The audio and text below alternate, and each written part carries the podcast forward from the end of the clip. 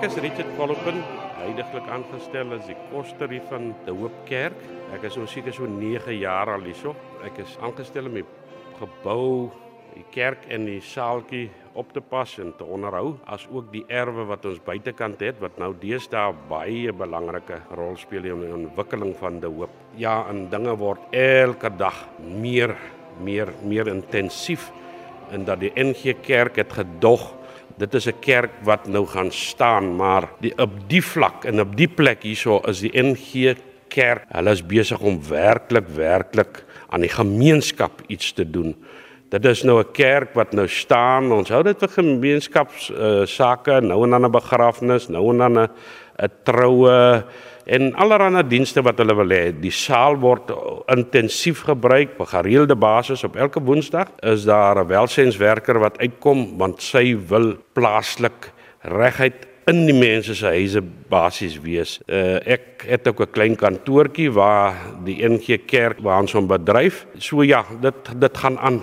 Ek sien gewoonlik hierdie kerk van die R 62 as ons uit die Kaap uitkom en dan sien ek hierdie toringkie en ek is altyd so gefassineerd oor wat hier gebeur. De hoop by die preekstoel is die woorde die hoop beskaam nie en hierdie absolute fantastiese gebou. Ek sou dink dat uh die instandhouding van so 'n ou gebou besonder harde werk moet wees. Vertel ons 'n bietjie van die geskiedenis. Ja, ehm um, die Maries, as almal weet, was die groot sendelinge wat van Engeland af gekom het destyds en dit was een broer Andrew Maries se pos die een van sy poste. Hy het die die kerk begin. Ehm um, hy was die eerste predikant hierso. Hy het uh, onder in die pastorie gebly. Ek is nie so groot geskiedkundige nie, maar uh ja, dit is hy wat hiernatoe gekom het om om om uh sendingwerkie te doen en in in in 'n eh, kerkstigting te doen basies.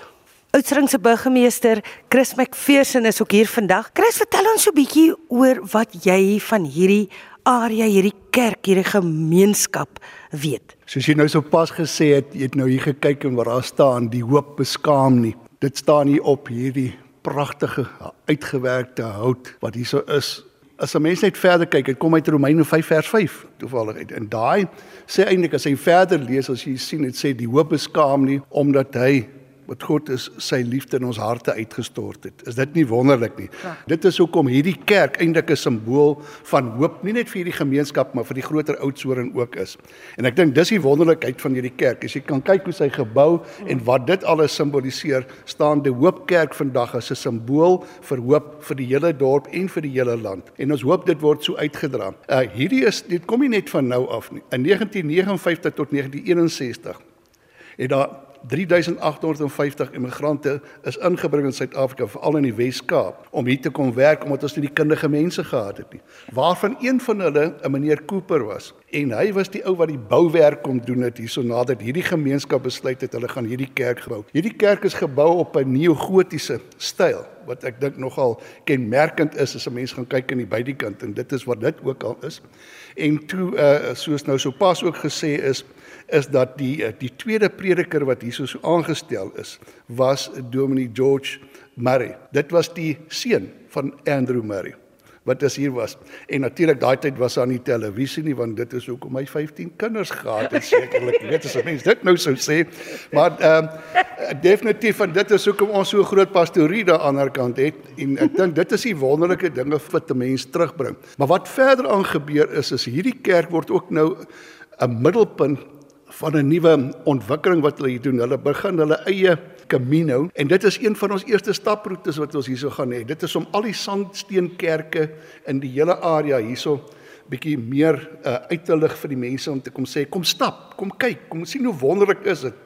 Kom doen hierdie staproete waarvan hierdie kerk 'n sentrale punt vorm en al die ander sandsteenkerke in in die groter Oudtshoorn. En daar's nogal heelwat van hulle. En saam met dit is dit ook om die gemeenskap meer te betrek so sopas verduidelik het is is dat daar 'n wisselwerking is tussen die munisipaliteit, die provinsie sowel as die gemeenskap en die kerk. En ek dink hierdie vier vat hande met mekaar om 'n gemeenskap wat tans nog op die spoorlyn woon hier te vestig en te hervestig binne in hierdie area en te gaan kyk dat ons se mense groter menswaardigheid kan laat ervaar En dit wat bygedra word, soos verlede week was daai groot byeenkoms met vier Suid-Afrikaanse Afrikaanse kunstenaars wat hier opgetree het en al daai fondse word dan gebruik vir die verdere uitbou van die beginsels wat hulle hierso graag wil gevestig kry. Wat is die kans? Dis nou maar net 'n vraag wat in my kop opgekom het dat tydens KAKNK byeenkomste dat mens mag klassieke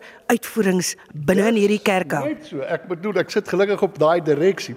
En dis al een ding is na hierdie, die akoestiek in hierdie kerk is seker van die beste wat ek nog ervaar het en ek moet sê dis altyd een van die goed waarna ons baie na uitkyk as 'n mens is deel van die KAKNK en definitief gaan hier moet goed plaasvind. Dis dit vir my gaan af en gaan ek daai res van die direksie druk dat ons sekere uitvoerings hierso kom hou.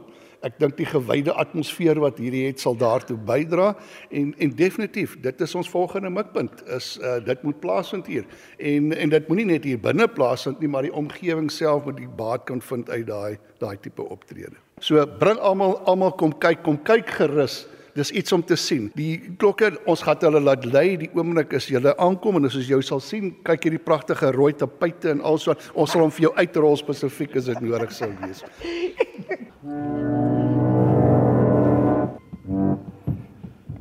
Dis 'n besonderse mooi orgel binne. Weet jy dalk iets van hoe oud hy is? Hy is die eerste orgel wat hier ingevoer is van Amerika af en uh hulle het hom kom speel hier so. Hy het 'n pyporgel. Baie mense vra vir 'n pyporgel, maar die akoestiek in die kerk en met die orgel is is nog steeds beter as 'n pyporgel.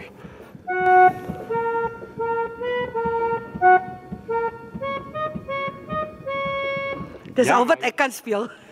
Hy speel nog wonderlik, hy speel nog wonderlik. Ja, dis maar een van die oudhede wat ons hier sê het. Ek het ook 'n kanselap wat eh, die eerste kanselap is. Hy's nog in in Nederlands. Ek het hom ook in die Kleisen weggesluit met ander uh, waardighede wat van daai eerste opening dateer. Ons beweeg na die buitekant toe.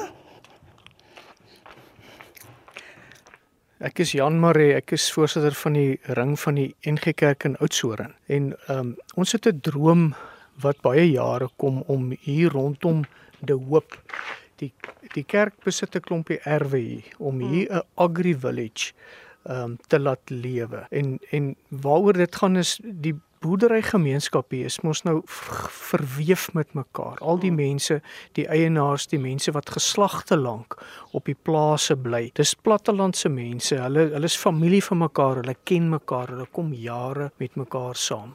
En dis 'n droom wat ek het dat dat hier dalk 'n behuisingsontwikkeling kan kom van 'n aard wat vir mense wat van plase afkom, ouer mense wat moet aftree, hulle het nie lus om in die dorp te gaan aftree nie. Mm. Om hier 'n veilige plek te gee vir hulle waar hulle ook met menswaardigheid in die rus en stilte en hierdie wonderlike omgewing van De Hoop langs die kerk dat hulle hier sal kan bly. Wat sou Dominee vir my kan vertel oor daai naam De Hoop? Dit kom uit daai soos die burgemeester gesê het Romeine 5 vers 5 nê van die hoop wat nie beskaam nie en vir baie jare ehm um, het mense hiernatoe gekom na hierdie pragtige sandsteen gebou toe omdat hulle hulle hoop op God geplaas het. Dis nou weer 'n tyd wat mense hulle hoop op God plaas en ek hoop en bid daarvoor dat hier iets kan waar word van regtige hoop. Hierdie kerk is vir my so 'n fascinerende gebou en dat dit nogal vir my jammer is dat hier nie eintlik meer 'n gemeente is nie. Wat is die storie rondom waarom die kerk gebou was? Hoeveel mense het hier gebly? Weet jy hier waar ons nou staan, Heidi, as jy nou so in die vallei afkyk na Kalisdorp se kant toe, ehm um, oral kan mens gebouetjies sien daar in die verte. Nou hier het 100 jaar terug, meer as 100 jaar terug, het hier duisende bywoners gewoon hier. En so hier was hier was 'n groot klomp mense uh en ek meen daar, daar was mos plase was klein en daar daar baie mense met bestaansboerdery maar op 'n stukkie grond gebly. Nou deel van die ontvolking van die platteland is mos nou die ekonomie van skaal van boerdery. Hmm. So ehm um, dit dit is maar 'n klassieke storie van die ontvolking van die platteland. Uh en natuurlik het mense nou karre gekry. Een van die argumente oor hoekom mense uh gesê het die kerk is 15 km uit die dorp uit, is mense het gesê hulle kom hier kerk toe maar dan ry hulle gou kafee toe om die rapporte koop. So nou kan hulle maar net sowel gaan hulle nou in die dorp kerk toe ook. Uh, Veral la, later van tyd is weet groter ehm um, kategese klasse vir die kinders ensovoorts. Ek en hier waar ons nou staan kan jy die kerksaal sien. Uh, die kerksaal word gebruik vir gemeenskapsprojekte. Ek is COVID inentings hier gedoen. Hier word maatskaplike voorligting word hier gegee. So die die storie van die hoop wat die gemeente wat 'n NG Kerk was, uh, wat opgehou bestaan het, is is 'n klassieke storie van die ontvolking van die platteland en de, jy het gevra oor die naam De Hoop as hier 'n nuwe storie kan ontstaan van hoop. So ons probeer om die uh, fasiliteite te benut ten bate van hierdie gemeenskap wat hier rondom die kerk is.